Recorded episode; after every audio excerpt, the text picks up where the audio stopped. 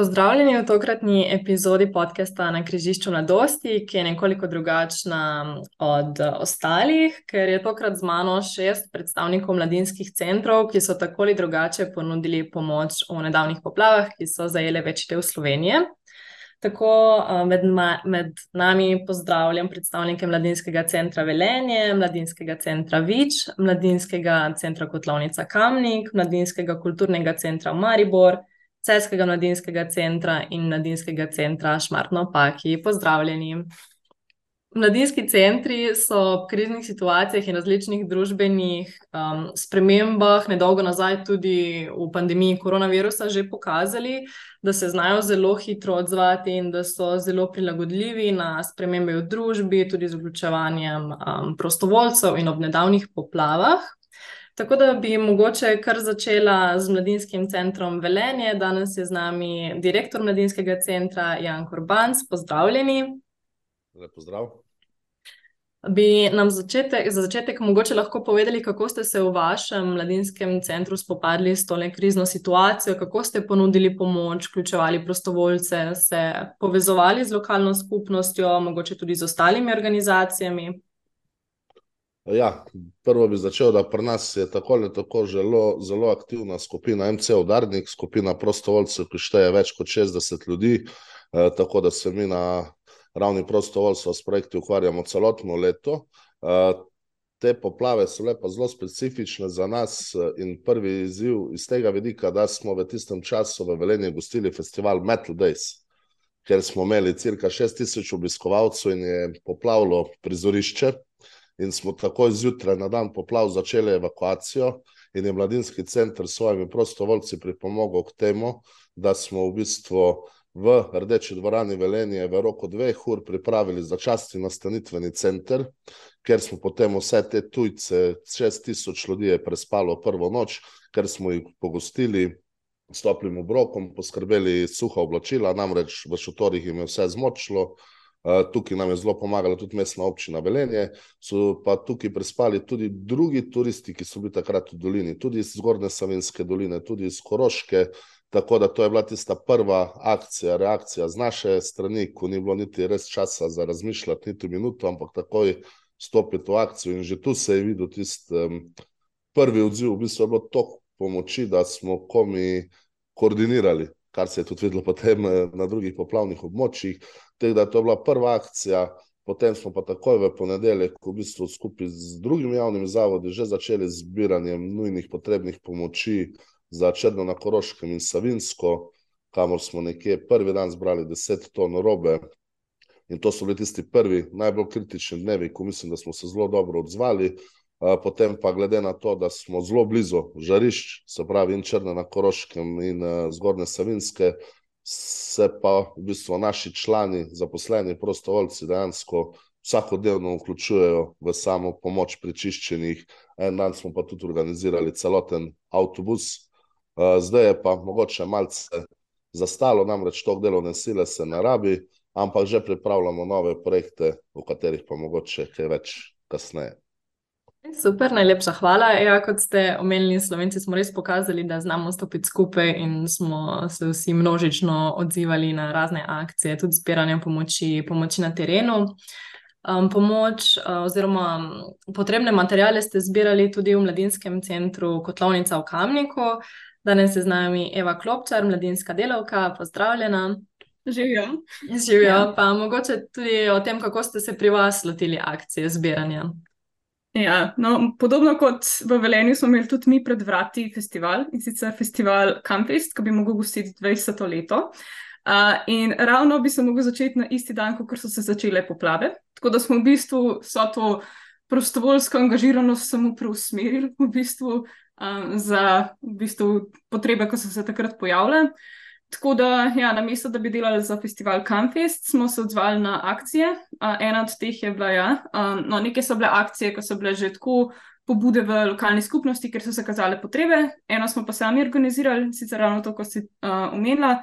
Um, namreč organizirali smo dogodek Futer pa Gvant, um, ki smo ga imenovali Akcija za ljudi in za naravo. Um, sicer že večkrat, um, v bistvu vsak mesec izvajamo neko uh, zbiralnico oziroma izmenjevalnico oblačil Um, tokrat smo naredili pa zraven še akcijo, um, kjer smo kuhali še um, trajnostno hrano, se pravi hrano, ki je bila zavržena ali pa smo jo nekako skupaj zbrali, zato smo tudi ozaveščali o uh, pravi načinu dela z naravo, kar je pomembno v časih, ko kaže narava mogoče uh, svojo moč. Um, zraven smo pa še zbirali uh, dejansko potrebna oblačila, obutev, ki so se kazala um, na podlagi ja, pobud civilne zaščite, kar so potrebovali. Tako da um, ja, smo imeli kar velik um, dela.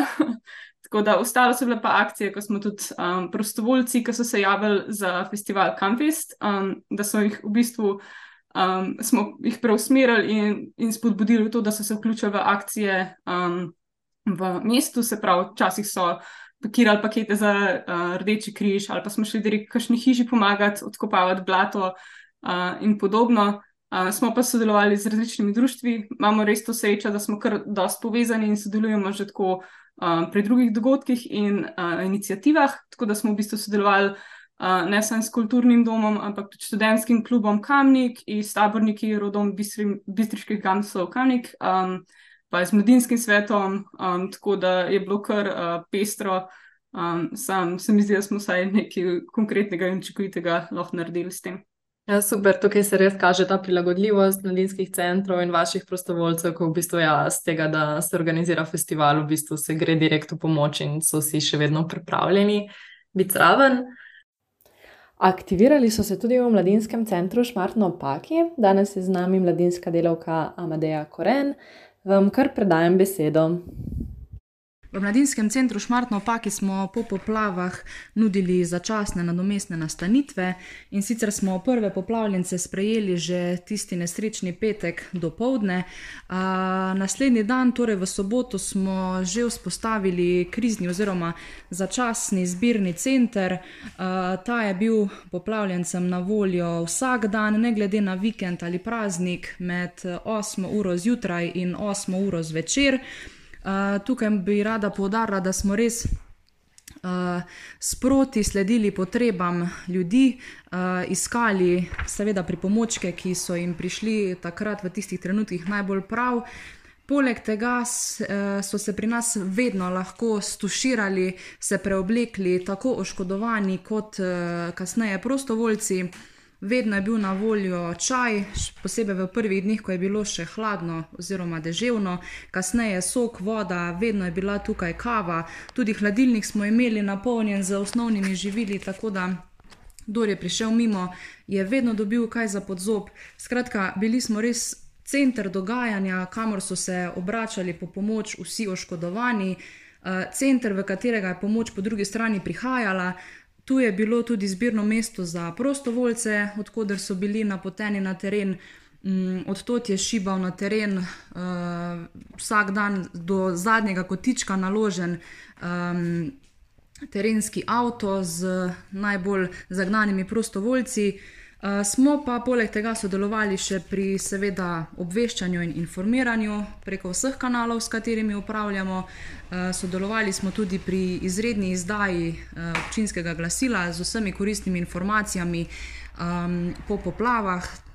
Um, pa seveda tu smo bili za ljudi, uh, prisluhnili smo jim, bili sočutni uh, in jim seveda vsak na svoj način pomagali po svojih najboljših močeh. Zdaj v mladinskem centru Celje in mladinskem kulturnem centru Maribor so pomoč ponudili z nastanitvami, ki jih imajo v sklopu njihovih hoslov, tako da bi besedi povabila Živo Mijatovič, mladinsko delovko iz mladinskega kulturnega centra Maribor. Ja, tako je. Pod našim okriljem deluje tudi hostel Pekarna.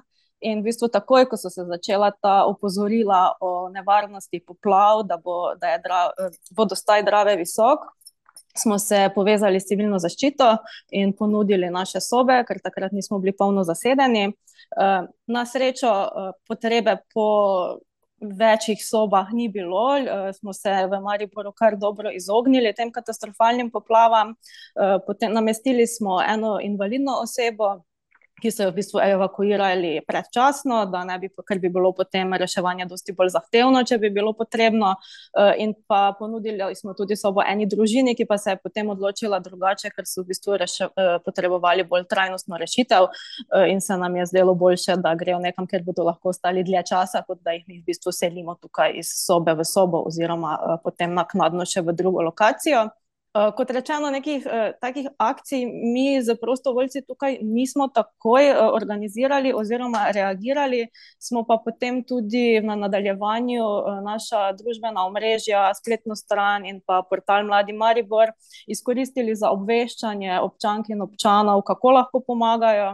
Pri tem smo se osredotočili predvsem na to, da bi ljudje ob pravem času dobili pravo pomoč, se pravi tiste organizacije, ki so imele pregled nad celotnim dogajanjem, in pa seveda, ki so bolj delujoče v tem lokalnem okolju, ker se nam je nekako zdelo potrebno, da ljudje izvejo, kako lahko najhitreje in najlažje tudi njim pomagajo, in se bojo verjetno potem pripravljeni še uh, bolj odzvati, če bo ta pomoč enostavna, oziroma jo bodo lahko enostavno nudili. Potem pa smo tudi uh, na Dan solidarnosti se odločili, da je, ker je postelj je bil na Dan solidarnosti odprt, da bomo vsi skupiček tistega dne namenili v dobrodelne namene. Zbirali smo donacije tudi zaposleni in bomo zdaj vse ta denar, ki se je nabral v sodelovanju ponovno z civilno zaščito, namenili uh, ljudem v stiski. Na tisti dan pa so se tudi nekateri naši zaposleni odločili za individualne akcije, se pravi, so se prijavili na aplikacijo Poplave 2023 in so pomagali na tak način. Mi pa načrtujemo, da ko bo ta prvi val solidarnosti, dobrodelnosti nekoliko zamrl, da bomo takrat ponovno strnili vrste, ker uh, verjamemo, da bo jesen in potem zima za ljudje, ki so, ljudi, ki so trenutno v stiski, še dolga in naporna, in bo tudi takrat uh, naša pomoč prišla prav. Super, hvala, Živa. Kot omenjeno, so um, pomoč v poslu ponudili tudi v Celskem mladinskem centru. Danes je z nami Kristjan Weber, mladinski delavec iz Celja. Tako da, Kristjan, zdaj te, tebi predajam besedo, kako ste pa pri vas pomagali. Ja, zdravo vsem skupaj. Uh, res je, uh, v Celskem mladinskem centru, mislim, v okviru Celskega mladinskega centra deluje tudi MCC Hostel, uh, ki je ponudil uh, pomoč uh, pri nastanitvi ljudi, ki so jih evakuirali ob uh, reki Saviniji. Um, na odziv smo se odzvali takoj, uh, saj delujemo pod okvirjem civilne zaščite um, in pa zelo tesno sodelujemo tudi z mestno občino Celje. Uh, tako, da eni, tako da smo bili prvi, ki smo evakuirali prvi del uh, prebivalcev. Um, tako da to je v bistvu potekalo na takšen način, da so um, gasilci oziroma civilna zaščita k nam pripeljali evakuirane prebivalce um, ob uh, reki Savini um, in smo jih na to nastanili v hostel. Uh, tam smo jim ponudili tudi kosilo, ki smo ga res po zelo hitrem postopku zorganizirali uh, za eno izmed restauracij, ki dobro sodelujemo z njo. Um, in pa potem uh, s pomočjo uh, javnega zavoda Socijo poskrbeli tudi za zajtrk naslednji dan, uh, tako da so bili res vsi uh, dobro priskrbljeni. Civilna zaščita je pa pomagala tudi z dodatnimi nastanitvami, zato ker je bil hostel, kot že omenjeno, uh, čisto poln. Um, dodali so še pa tudi nekaj um, ležišč v naše učilnice, uh, da, smo lahko še nastan, da smo lahko še nastanili še več ljudi. Um, super, Kristjan, hvala. Um, v mladinskem centru Vič pa ste se s svojimi prostovoljci odpravili uh, kar pomagati na teren. Z nami je Njues Felič, mladinska delavka iz mladinskega centra Vič. Pozdravljena. Zdravo. Ja, res je, nas poplave v tem času niso prizadele, um, smo pa kar takoj stopili v akcijo. Um, povezali smo se z organizacijo Young Caritas, s katero tudi sicer dobro sodelujemo pri zbiranju materijalov za ogrožene, in smo v bistvu preko njih bili poslani na teren v Mozirje. Um, tam smo se povezali z lokalnimi gasilci in se z njimi dogovorili, da lahko v bistvu prihajamo kar direktno k njim. Tako da smo jih v tistem prvem tednu, ko je res bila potrebna, najve, na, ko je bilo potrebno največ pomoči, smo se tja odpravili štirikrat. Um, jaz, kot mladinska delavka, sem povabila um, sabo mlade iz, iz našega okolja, pa tudi v bistvu druge mlade, ki sodelujejo z zavodom Nefix, v, v okviru katerega tudi mladinski center več deluje. In uh, sem bila res kar vesela, da se nas je vsakič odpravil poln avto um, in je bila res taka dobra izkušnja. Um, ker v bistvu smo bili sprej, vedno sprejeti, naša pomoč je bila konkretna in se mi zdi, da koliko smo lahko, smo, smo lahko takoj prispevali. Bi pa mogoče še um, omenila to, da v okviru zavoda Nefix, uh, v okviru katerega deluje tudi stičišče za osrednjo slovensko regijo, smo se pa pridružili v bistvu eni akciji, kjer se zbirajo um, zdaj malo bolj dolgoročno računalniki za prizadete v poplavah, Um, tako da v bistvu smo tudi tu zraven stopili um, v neko tako akcijo, malo bolj dolgoročno. Super, tokrat je z nami sicer samo šest mladinskih centrov, ampak um, pomagalo je, jih je dosti več, kot jih je tukaj z nami. Veliko mladinskih centrov je tako ali drugače ponudilo pomoč ali v obliki zbiranja materijalov, pomoči na terenu in tako dalje. Zdaj pa me zanima, uh, za te, ki ste tukaj z mano, Ali ste imeli pri usklajevanju s prostovoljci oziroma z organizacijo pomoči z delom na terenu tudi kaj izzivov in če ja, kako ste jih reševali? Lahko je prvi.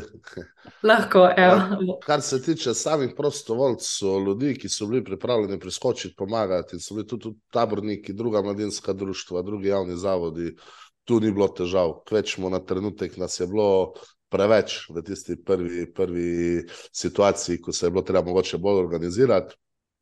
Uh, začetne težave so bile predvsem zaradi tega, ker smo imeli res zelo blizu zgornje Savinske in Črne in smo želeli poslati uh, prve pakete vode, hrane, da še neka pot uh, pomoči še ni bila vzpostavljena, niso bili še zorganizirani. Uh, tako da smo potem, ko dosti komunicirali neposredno z nekaterimi znanci iz teh uh, območji in smo nekako zaobšli civilno zaščito na nek način. Eh, predvsem je bila problem Črna na Koroškem, eh, kjer je potem tisto prvo nedeljo začel helikopter voziti na veliko prošnjo ljudi iz Črne, ker res niso imeli pitne vode.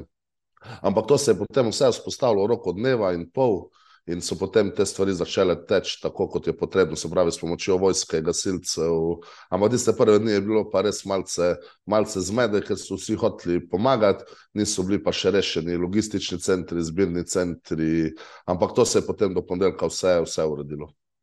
Pa je bila to vaša prva krizna situacija, v kateri ste na tak način pomagali, ali imate že izkušnje odprej? Uh, mi smo, recimo, takšna situacija, ko je treba odreagirati, res v urah, je prva, odkar sem jaz zraven. Smo pa mi že zelo dosti delali med samo korono, uh, ker smo imeli akcijo, naša, naše ulice so prazne srca, ne, ker smo skrbeli za dostavo hrane uh, upokojencem, uh, bolanim.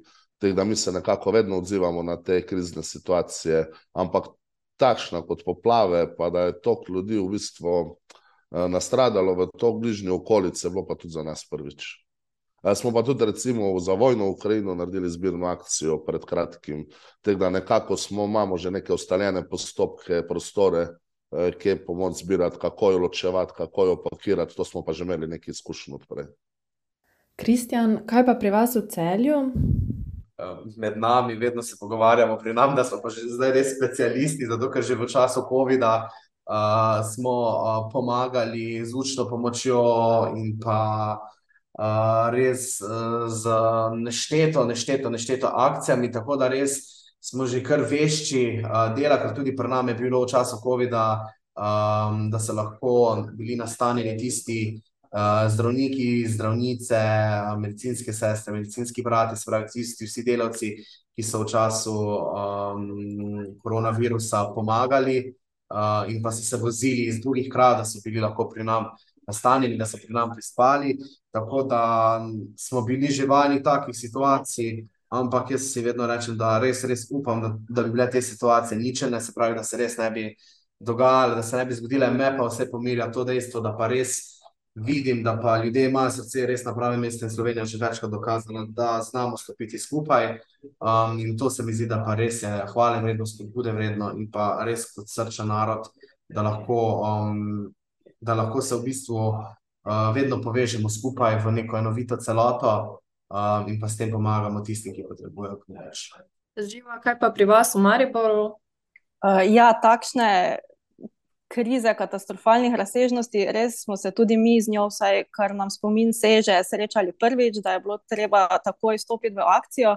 Smo pa tudi mi, kot je že Janko omenil, recimo z hostlom Pekarna sodelovali takrat, ko je bila korona kriza, so recimo zdravstveni delavci iz UKC-a so bili takrat nastanjeni pri nas. Uh, So lahko tukaj prenočevali, je bilo za njih dobro poskrbljeno. In pa zdi se mi, da smo mladinski centri, tudi iz stališča MKC Maribor, če govorim, vedno pripravljeni pomagati, vedno skočimo, uh, ko je treba, začutimo to uh, željo po pomoči drugim. In ne samo, ko gre za takšne katastrofalne poplave ali dogodke, ampak tudi pri teh mogoče manjših, bolj osebnih stiskah. Uh, recimo, mi uh, smo ravno lansko zimo, ko so bile temperature res nizke, uh, v hostlu tudi odstopili sobe nekaterim brezdomcem, za katere v zavetiščih ni bilo takrat prostora.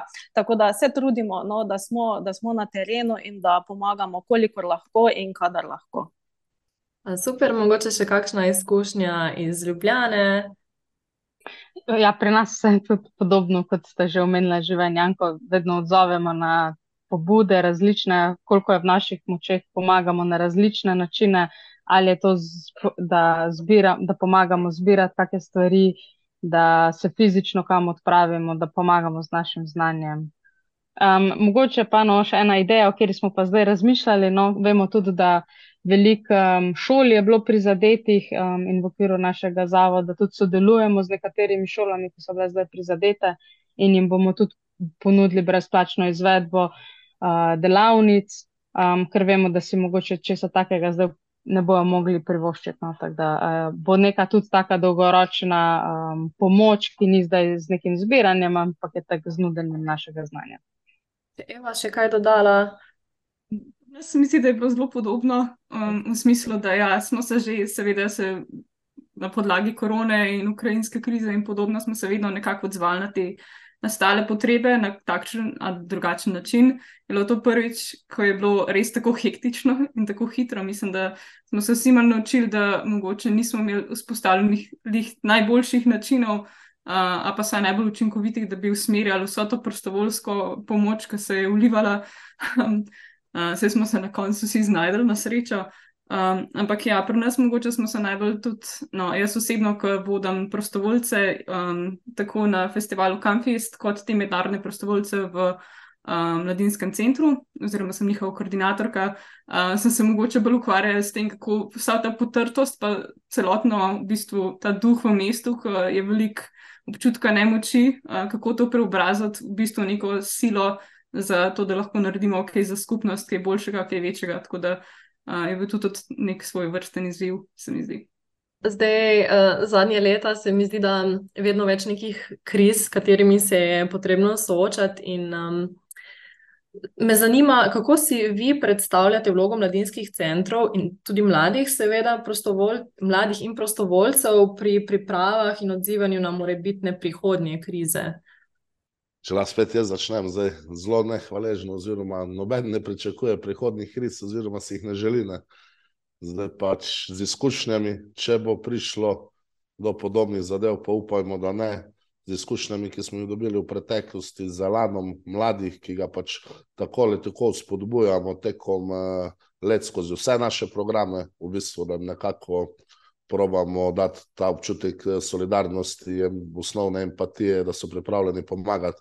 Se pravi, naše delo mladinsko temelji že, že skozi leto na tem, da ko pride do takšne krize, da se mladi potem odzovajo. Namreč mladinski centri so nekakšne skupnosti. In mladi, ki sodelujejo, se počutijo del te skupnosti, in ki tudi potem, ko pride do takšnih situacij, nastopijo kot skupnost oziroma skupina, ki se poveže in je pripravljena pomagati. Teh, da mladinski centri bomo naprej uh, delali pač mladinsko delo na takšen način, upamo pa, da bo čim manj takšnih trenutkov, ampak da bomo lahko normalno izvajali naše programe. Hvala, Nives. Ja, zelo podpiram to, kar je Janko rekel. Bi pa mogoče dodala še to, da mladi, s katerimi delamo, z njimi delamo veliko tudi na neki preventivi. Um, in se mi zdi, da je to tudi na nek način jih pripravimo na življenje, ki pa seveda, mislim, katerih del so pa tudi krizne situacije. Ne? In eno so te velike, ki nas pač doletijo očitno zdaj vedno vsako leto nekaj novega, um, ampak mogoče tudi tu ni za spregledati osebnih kriz, ki jih mladi doživljajo. In se mi zdi, da je to tudi eden od velikih korakov, ki jih delamo, mladinski centri, niso pa mogoče tako odmevni kot pomoč pri poplavah, pri vojni in tako, ampak je pa sigurno za družbo to en, eden od pomembnih um, korakov tudi. Živa.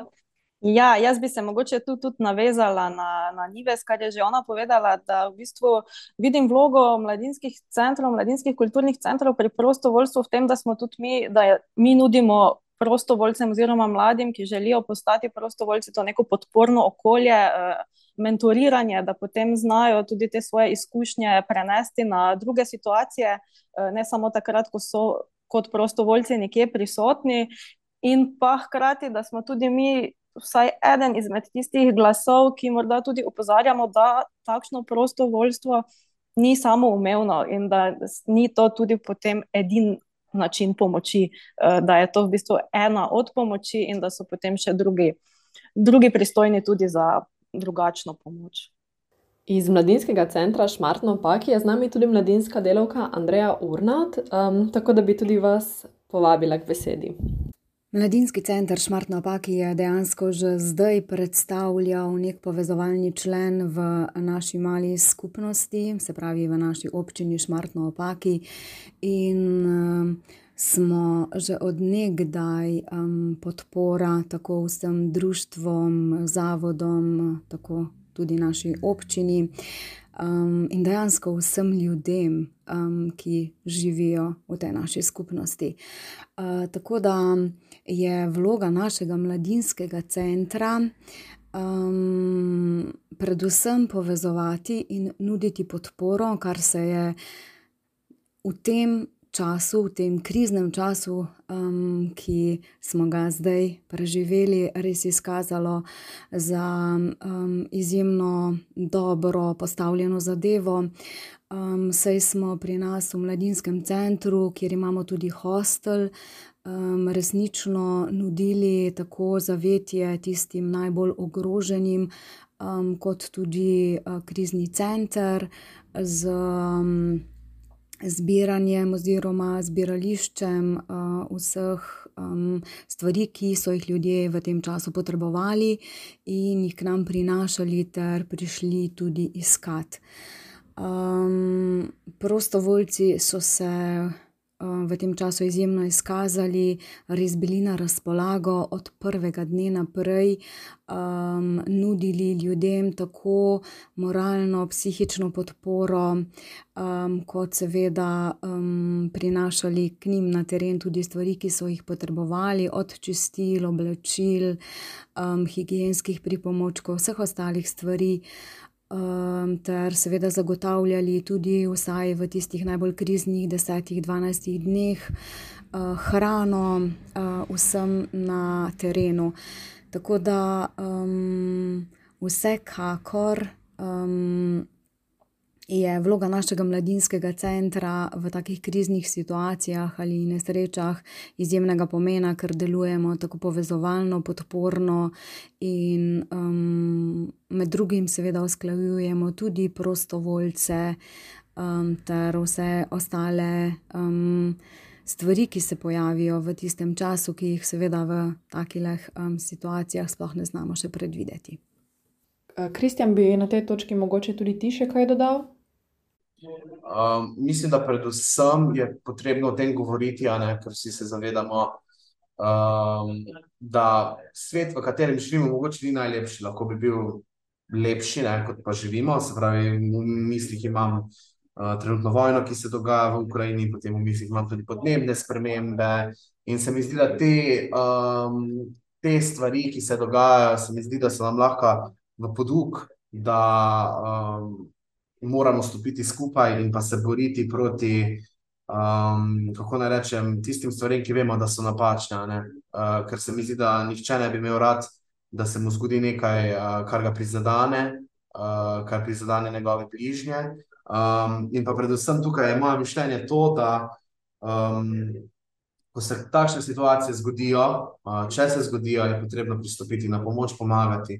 Pri tem tudi paziti, na kakšen način, um, ker se mi zdi tudi pomembno, da ti ljudje, ki so izgubili zdaj v teh poplavah, recimo domove, bodo potrebovali pomoč tudi čez 8 mesecev, ko se bo vse nekako najbolj normaliziralo in upam, da bo še takrat uh, bila neka volja po pomoči, pripravljenosti pomagati um, z dobrinami, tako da smo se že tudi v naši ekipi pogovarjali, um, v ekipi naših prostovoljcev, da uh, tudi v teh trenutkih se je potrebno um, posvetiti pomoči in pomagati.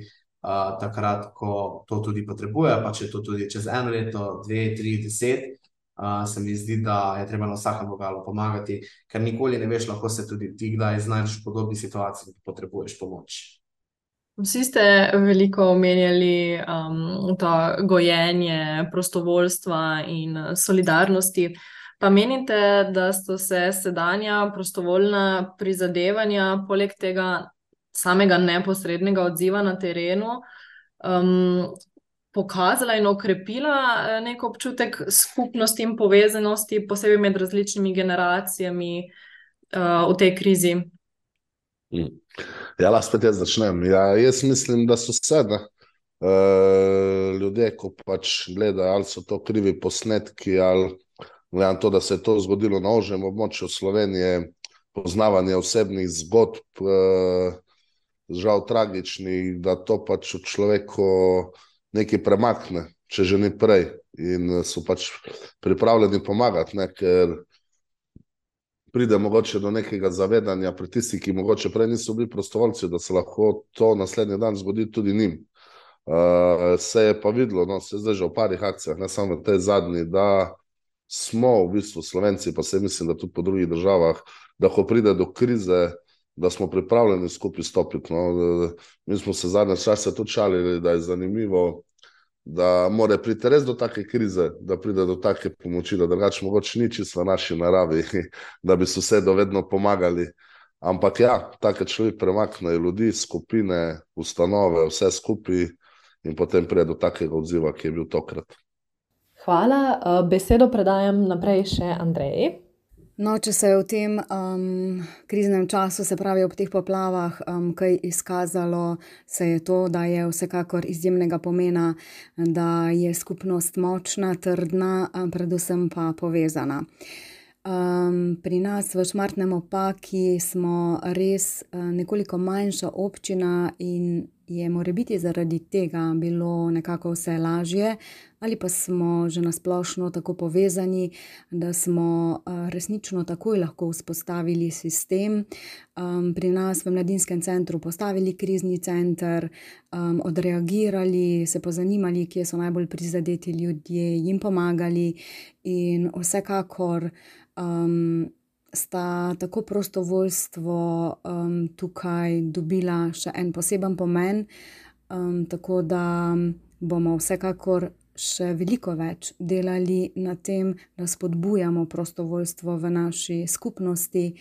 Uh, in vsekakor je tudi solidarnost tista, um, ki je prišla zdaj na plan, ki je mogoče ozavestila pri mnogih ljudeh neke stvari, um, ki se nam drugače zdijo posebno samoumevne in avtomatske, ampak um, to je tisto, kar nas lahko naprej še veliko bolj povezuje, ki um, odpira neke stvari um, da lahko gradimo močnejšo skupnost še naprej, um, ker le takrat, ko smo resnično povezani, um, ko delujemo um, tudi na zunaj, tako smo lahko odporni in um, neprebojni za čisto vse, in resnično skupaj lahko naredimo nemogoče stvari. Um, tako da. Um, Izkazalo se je, da je dobro, da imamo prostovoljce in da podpiramo solidarnost, um, kajti ravno v teh kriznih situacijah um, se potem to izkaže kot izjemno učinkovito in um, predvsem, seveda, povezovalno. Kako pa lahko mladinski centri v bistvu Janko, kot ste vi omenili, ja, če ni neke take krize, ne, ni nujno, da se bo pri vseh zbudil nek ta prostovoljski duh, oziroma mogoče ljudje niti mladi tudi ne pomislijo, da bi lahko um, pomagali. In tudi zdaj, recimo po nekem tem začetnem valu prostovoljstva, se začenjajo stvari nekako umirjati, ljudje bojo. Potrebovali pomoč tudi če naprej, jeseni, po zimi, ko bo treba pa na drugačen način pomagati, pa ne samo v tej krizi, tudi na splošno, v prihodnje pa tudi, ko renive so imeli neke osebne stiske, pa druge vrste pomoči, kako lahko kot mladinski centri v bistvu vzgajamo, vzgajate ta nek prostovoljski duh in kakšen pomen ima prostovoljstvo pri odpornosti skupnosti kot celote. Kot sem se že prej omenil, to na nek način izvajamo skozi naše celoletne programe. Drugače, v Mladinskem centru Velenje imamo pa MC Udarnik, kjer v bistvu vsakodnevno pomagamo. Tukaj pa gre predvsem za medgeneracijsko sodelovanje. Namreč največ pomoči po naših eh, izkušnjah so potrebni starejši, ki so dostakrat imajo slab socialni status, osamljeni, mogoče živijo v zelo težkih življenjskih pogojih in mi se tukaj odzivamo z družabništvom. Je ena izmed akcij, Eh, kjer naši prostovoljci v bistvu dajo, delajo družbo tem starostnikom, ki jim zelo, zelo veliko pomeni. Saj zelo dosta starostnikov živi samih, potem očistilnih akcij, delovnih akcij. In mi nekako te, te akcije izvajamo skozi celotno leto. In kljub temu, da imamo v skupini 60 prostovoljcev, se ne moramo odzvati na vse potrebe, ki jih naša lokalna skupnost ima. To je zdaj to koredno delovanje, drugače pa ja, ne smemo pozabiti ta prvi odziv pomoči bo zelo hitro menil. No, to je tudi naše mnenje. In tudi prve akcije, ko smo planirali, smo rekli, da moramo nekako gledati naprej, se pravi, tem ljudem eh, in območjem pomagati, tudi ko bo ta odziv nekako oplahnel. Mi, recimo, kot mladinski center, smo študirali, kaj je tu neka naša vloga, če ne bojo več potrebovali fizične pomoči v taki meri kot sedaj. In smo se, recimo, povezali z uh, z medobčinsko zvezo prijateljev mladine odprli sklic in trenutno poteka akcija zbiranja šolskih potrebščin. Namreč zelo veliko osnovnošolcem, srednješolcem in tudi študentom je v bistvu tik pred začetkom šolskega leta uničilo vse učbenike, knjige ali so navlažene. In tu zdaj, ko začenjamo v bistvu s festivalom mladih kulturov Kunigunda, je v bistvu smo celo rdečo nič spremenili in gre za zbiranje sredstev ali šolskih potrebščin, in tudi mi, kot mladinski center, se bomo odpovedali vstupninam, zbranim na koncerte, in jih nakazali na uh, ta račun, kjer se ta sredstva zbirajo. Uh, tudi kasneje bomo spremljali, nam se je tudi zdelo, predvsem povezavi z drugimi mladinskimi društvi, da bomo mogoče mogli pa septembra ali pa jeseni zopet organizirati kak avtobus in iti na ta področja, namreč takrat bo ostala pozabljena, zbližala se bo zima, in bo verjetno takrat um, kakšne roke še bolj potrebovali, kot v teh trenutkih, ko so vsi prostovoljci v bistvu drli na ta območja. Hvala. Če je še kdo drug, kako izkušnjo um, s pomenom gojenja prostovoljstva? Jaz bi mogoče omenila, mi, ko smo se z našimi prostovoljci odpravili na teren, no, smo v bistvu šli v neko drugo okolje in nismo pomagali v lastnem. Ne, in mislim, ko pridejo Ljubljani, nekaj, čeprav ni skoraj noben bil iz Ljubljana, je tudi malo uh, tako. No. Mislim, bom rekla, smo tudi doživeli to, da so pri marsikateri hiši, kamor so nas recimo poslali gasilci, da so rekli, ja, ne, se pri nas pa res ne rabimo, ne. smo že vse zrihtali, idite k sosedom. Ne. Mogoče tudi poleg gojenja.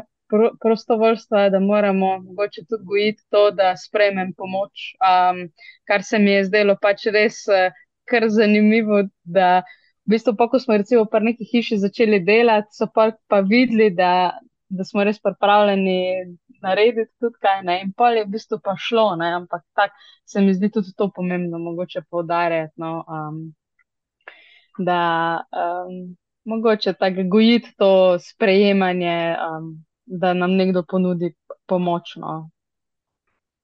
Ja, se strinjam, v bistvu kar um, pomembna stvar, na katero si upozorila. Tudi to je ena taka stvar, ki se mi zdi, da definira nas slovence, da se bomo pa že vse sami zmogli. Um, Eva, Ja, jaz sem hotela dodati, da v bistvu, ja, vse te zadeve, kot so sočutje, altruizem, solidarnost, vse to poteka v kontekstu in da mora biti ta kontekst res spodbuden, zato da ga lahko pač gojimo in iz njega kaj naredimo. Um, in se mi zdi, da je pomembno tudi, da gledamo na prostovoljce, um, kot da so akteri, ki lahko veliko prispevajo. No, da to nisem, vem, nisem statistika, pa da malo nekaj premaknejo, ampak da dejansko imajo ful veliko vlogo in pri socialni koheziji in medosebnih odnosih. Um, in da bi treba dejansko spoštovati tudi vem, mlade v mladinskih centrih, ki so kot prostovoljci, da so dejansko veliko zmožni, da imajo veliko svojih lastnih inicijativ. Tudi pri nas, posebno teh trajnostnih akcij, ki jih imamo, kot so izmenjevalnice oblačil in to, vse so nastale na pobude prostovoljcev, tudi mednarodnih, ki so prišli sem in so želeli nekaj narediti, nekaj večjega od, od sebe. In je treba nekako to ceniti in jim tudi dati vedeti, da sami veliko prispevajo in da jih bomo pri tem sam spodbujali. Um, če še delim nekaj um, iz terena, no, ki sem dejansko, ko smo šli skupaj z našimi in kampfest prostovoljci in našimi mednarodnimi prostovoljci, ki klejo upravljajo na deset um, prostovoljstvo, um, ko smo kopali blato, mi je uh, punca iz Latvije dejansko se mi zahvalila, da smo jo vzeli s sabo na to akcijo, ker se je počutila prej tako zataknjena, da ni mogla nič narediti in da je končno čutila, da lahko nekaj prispeva k skupnosti in mestu. Tako da imajo ful moči, sam treba jo znati usmeriti. Ja, res je, ne, um, da se tudi ne preveč podcenjuje mladih um, pri tem, kaj vse lahko oni tudi samo inicijativno um, ponudijo in seveda pol tudi priznati to uh, opravljeno delo. Ne. Super, eh, hvala, um, samo intermezzo. Hvala, Janko, uh, da ste se nam priključili. Um, ja, zanimiva, zanimiva debata. Mi je prav žal, da moram iti naprej, ampak res imam polnurnik. Hvala, lepo se imejte, pomagajte še naprej in se vidimo v priložnosti. Uh, ja, najlepša hvala, ostali pa nadaljujemo in um, predlagam, da gremo naprej, Kristjan, um, kar s tabo prostovoljstvo je v celju kar zelo prisotno, no, sploh tudi v našem mladinskem centru. Res se trudimo odzivati na vse akcije, um, ali pa tudi, um, če nekomu posvetimo samo nekaj malo našega časa. Se mi zdi, da že na tem je tudi zelo veliko, ne, se pravi, da se ne posvečamo tudi. Tej dobrodelnosti, ki je super, tudi da se posvečamo, tudi tej solidarnosti, se pravi, da nekomu poklonimo čas, recimo starejšim osebam, oziroma osebam z manj priložnostmi. Uh, in se mi zdi, da tudi v našem mladinskem centru, da se zelo aktivno udeležujemo vseh uh, teh sfer. Uh, tudi sam sem postal del Celskega mladinskega centra na tak način, da sem uh, začel z enim prostovoljskim projektom Misija Človek. In so, ta, so me takrat na tak način tudi spodbujali tu. Um, in tudi vse dejavnosti, ki pa se izvaja, ki izvaja naši mladi, temeljijo na tem. Zdaj, uh, Uh, imamo veliko ambasadorjev, uh, ki v našem Slovenskem mladinskem centru ali pomagajo pri različnih dogodkih pri nam, uh, ali pa v bistvu nam pomagajo pri promociji našega Slovenskega mladinskega centra. Imamo pa tudi veliko teh prostovoljcev, ki se radi vključujejo v različne aktivnosti, kot je naprimer druženje s starejšimi, uh, potem ne vem, en ful fajni projekt, ko smo ga imeli, bilo, da so delili uh, piškote delovcem na nočni izmeni tako da smo obiskali različna podjetja, se malo pogovorili z njim. Uh, in če dalje bolj opažamo pri tem prostovoljnem delu, da veliko ljudem pomeni, če jim posvetiš čas, pa nekaj uh, časa za pogovor. Ne? To se mi zdi, da jim predvsem zelo koristi. Uh, pa tudi nam, no? se zdi, da se na tak način zelo spoznavamo, um, ker tudi pripravljamo različne delavnice za socialno ogrožene, otroke, mladostnike, Eh, ki se potem izvajajo v naših prostorih, in pa potem, recimo, vem, mladi izvajo določene aktivnosti. Um, ne vem, primer, um, ali so to delavnice kreativnega pisanja, delavnice branja, uh, družabne igre, te so vedno popularne, um, ali pa so to ne vem, kakšne um, te poletne igre, sploh zdaj v poletnih mesecih.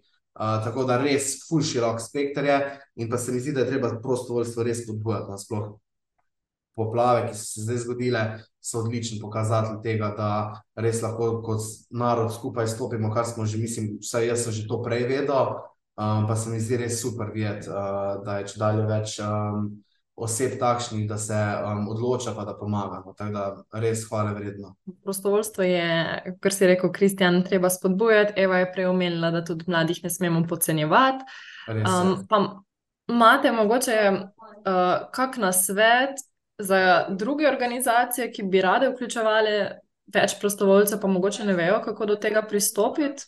Jaz predvsem spodbujam take organizacije, da mogoče začnejo z nekimi majhnimi dejanji, ker se mi zdi, da že to zelo veliko pomaga. Se pravi, um, kot sem že rekel, da smo solidarni na področju prostovoljstva, se pravi, da se z nekom pogovarjamo, um, da nekomu posvetimo naš čas. Se mi zdi, da je že to že nekaj super, ali pa da se vključijo v neke organizacije, ki že delujejo na področju prostovoljstva. Zelo veliko jih je zelo dobro preverjenih, um, tako da res je širok spekter nabora. In pa, če dalje bolj spodbujam tudi mlade, um, tudi vedno povem, vsi imamo neke talente, ko nekaj znamo. Ne vem, imamo tukaj mlade, ki obvladajo matematiko, pa imamo tukaj nekatere, ki ne obvladajo matematiko in si pač pomagajo med seboj. Ne. Se mi zdi, da že s temi osnovnimi zadevami lahko začnemo. Ne. Ker se, če pogledamo, vsak je v šoli, srednji šoli, uh, imel en predmet, ki mu ni najbolje ležal, ne. in s tem lahko že upeljujemo neko prostovoljstvo, neko tutorstvo, se pravi, da uh, si pomagamo drug drugemu pri tistih predmetih, ko so nam mogoče težji. Uh, potem pa tudi ja, vključitev v različne um, um, druge organizacije, ki že izvajo prostovoljne aktivnosti, se mi zdi, da je to tudi zelo super. Super, hvala, Kristjan. Nives? Jaz bi dodala k temu Kristjanovu razmisleku še to, da je v bistvu vključevanje prostovoljcev tek na dolge proge, da kot, če bomo kot organizacija se tega lotili, da moramo biti ustrajni. Tudi če se nam na prvi, drugi, tretji poziv mogoče nihče ne oglasi, ne? da ne obupamo, da ne ustrajamo. Mislim, da, da ustrajamo, pač da ne obupamo. Druga stvar se mi pa zdi super, no, za predvsem mladinske, no, pa tudi druge organizacije, je pa, da vključujemo tudi mednarodne prostovoljce. Se mi zdi, da imamo v Sloveniji res uh, dobro organizirano to možnost znotraj Evropske solidarnostne enote in tako je omenila, mislim, da Eva, ko je njena prostovoljka šla na teren, ne, v bistvu zelo podobno je bilo tudi zdaj par nas, ne, naša prostovoljka, ki sicer prihaja iz Rusije, ne, je bila takoj bi je napisala, um, ej, ni več, bomo šli kaj na teren, jaz želim pomagati in je v bistvu takoj smo šli v bistvu. Ne, tak, bila je vedno zraven, no, in se mi zdi, da je tudi to neka priložnost, da, da mi širimo obzorja, pa v bistvu v lokalnem okolju mogoče pokažemo tudi, da v bistvu imamo tudi tuje prostovoljce in to je res kul. Cool.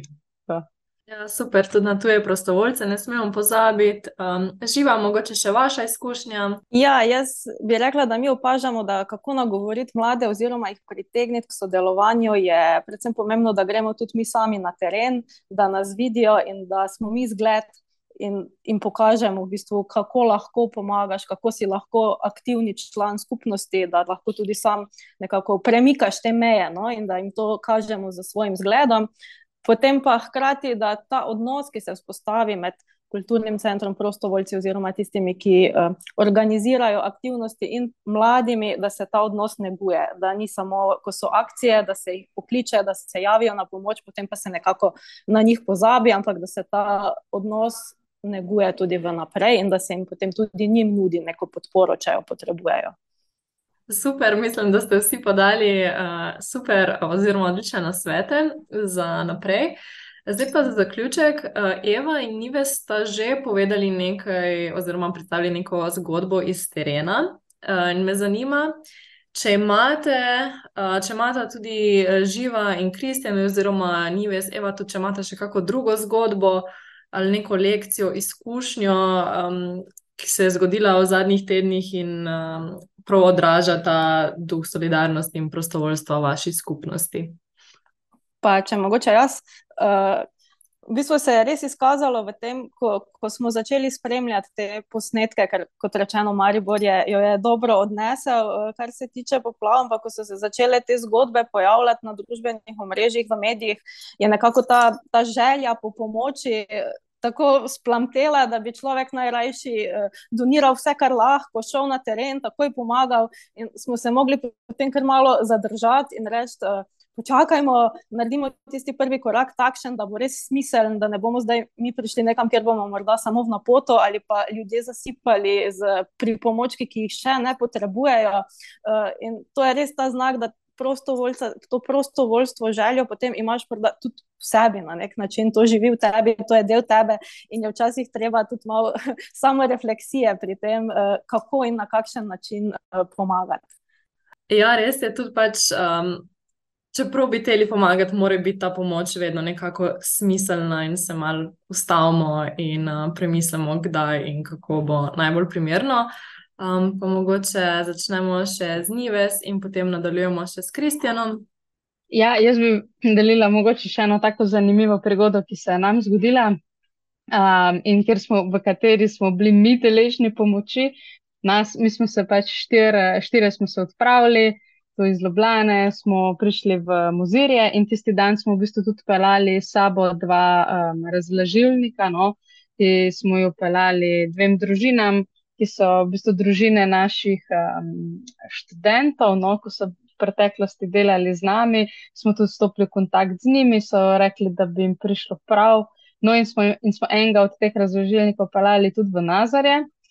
In na poti nazaj iz Nazarja proti Muzirju, smo očitno nekje nekaj povozili, in uh, ker pač se ni videlo, pač po čem voziš. No, in ko smo prišli tam pred gasilni dom, smo gotovili, da imamo prazno gumo.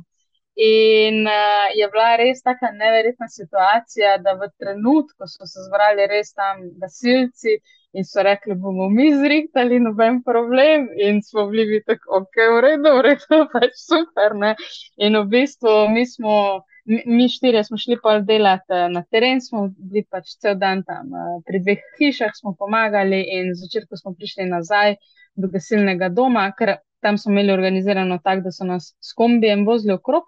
No, in ko smo prišli zvečer nazaj, nas je zrihtan avto čakal na parkirišču, so gumo v bistvu odpeljali v lokanizerju, da so zrihtali. No, in mi je tako. Um, neka taka zgodba, no, ko um, tudi če greš ti, si pripravljen, se daš na razpolago, da pomagaš, ne v bistvu se lahko tudi takoj obrne in takoj lahko tudi ti rabiš pomoč. No, in uh, mi je bilo tako, no, wow, um, kaka, kak odziv, kaka res pozitivna izkušnja. No, Mogoče kot anekdota. No.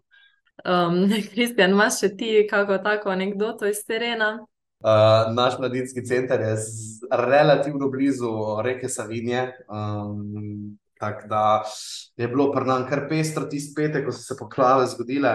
Um, sploh pa zato, ker imamo uh, zelo močno, mislim, da tudi uh, grožnjo za podtalnico, ker včasih je bila pod našim mladinskim centrom speljana reka.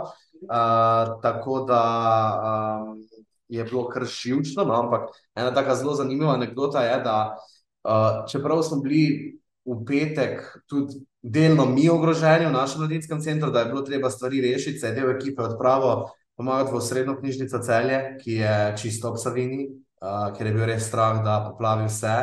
In smo um, študentje, uh, tisti, ki študentsko delajo, zaposleni, praksa, um, pa tudi nekaj naših mladih, ki so še bili v tistem času uh, v mladinskem centru, oziroma so prihiteli na pomoč šli ob, um, v knjižnico in znosili smo več kot mislim, 120 tisoč knjig iz arhivov, iz otroškega oddelka. Uh, naredili smo res tako neko človeško verigo, kjer smo si samo prelagali knjige, uh, da smo res čim hitreje rešili vse, zato ker je bila grožnja, da bo Savinja prešla bregove. Um, hvala Bogu se to ni zgodilo za voljo protipoplavnih ukrepov. Um, ampak ja, to je bila taka anekdota, uh, ko se mi zdi, da v tistem navalu, ko smo vsi dobili nek elan moči, ki si je sploh ne predstavljaš. Recimo, to je treba zamisliti, da 8 ur nas je delalo, dobesedno, da smo lahko vse knjige rešili, brez prestanka, brez premora, recimo, um, kar je tako zelo zanimivo. Ne? Da nisi sploh pomislil na pauzo, na premor ali karkoli, kar res smo se trudili, da rešimo vse. Pa je bilo pa še super, da tisti, ki so pomagali v knjižnici, kjer je bilo pa še pol grožnja z našo potalnico, da nam izbruhne in nam vrže vse gor in nam tudi pri nam poplavi. So se pa potem tisti iz knjižnice, na kateri odpravili k nam, da smo tudi mi lahko dvignili stvari više. Ker smo pa še hkrati bili um, pod civilno zaščito, ker delujemo tudi pod civilno zaščito v mestni občini Celje, in smo imeli nastanjenih tudi 60 um, tisti, ki so bili evakuirani iz območij, uh, kjer jim so jim grozile poplave. Tako da to je bila tudi ena izkušnja, uh, za sebe tako zelo zanimiva, zelo neprijetna, zato ker uh, ljudje te sprašujejo, kako pa zdaj naprej, pa še sam nimaš dovolj točnih informacij, grozno ti je, zato ker ti povejo njihove zgodbe, to so ljudje. Um, to so bili dojenčki, stari tri mesece, in pa gospe, stare po 90 let. Tako da je treba bilo res, um, dal, se mi zdi, da cela ekipa je dala res vse od sebe, da se je potrudila, da je kolikor toliko dobro bilo za njih poskrbljeno z pomočjo vseh. Uh, tako da, ja. In pa še ena zanimiva anekdota, tisti večer sem prespal v pisarni, nikdar ne bom pozabil, uh, zato ker smo, nam je zmanjkalo postelj.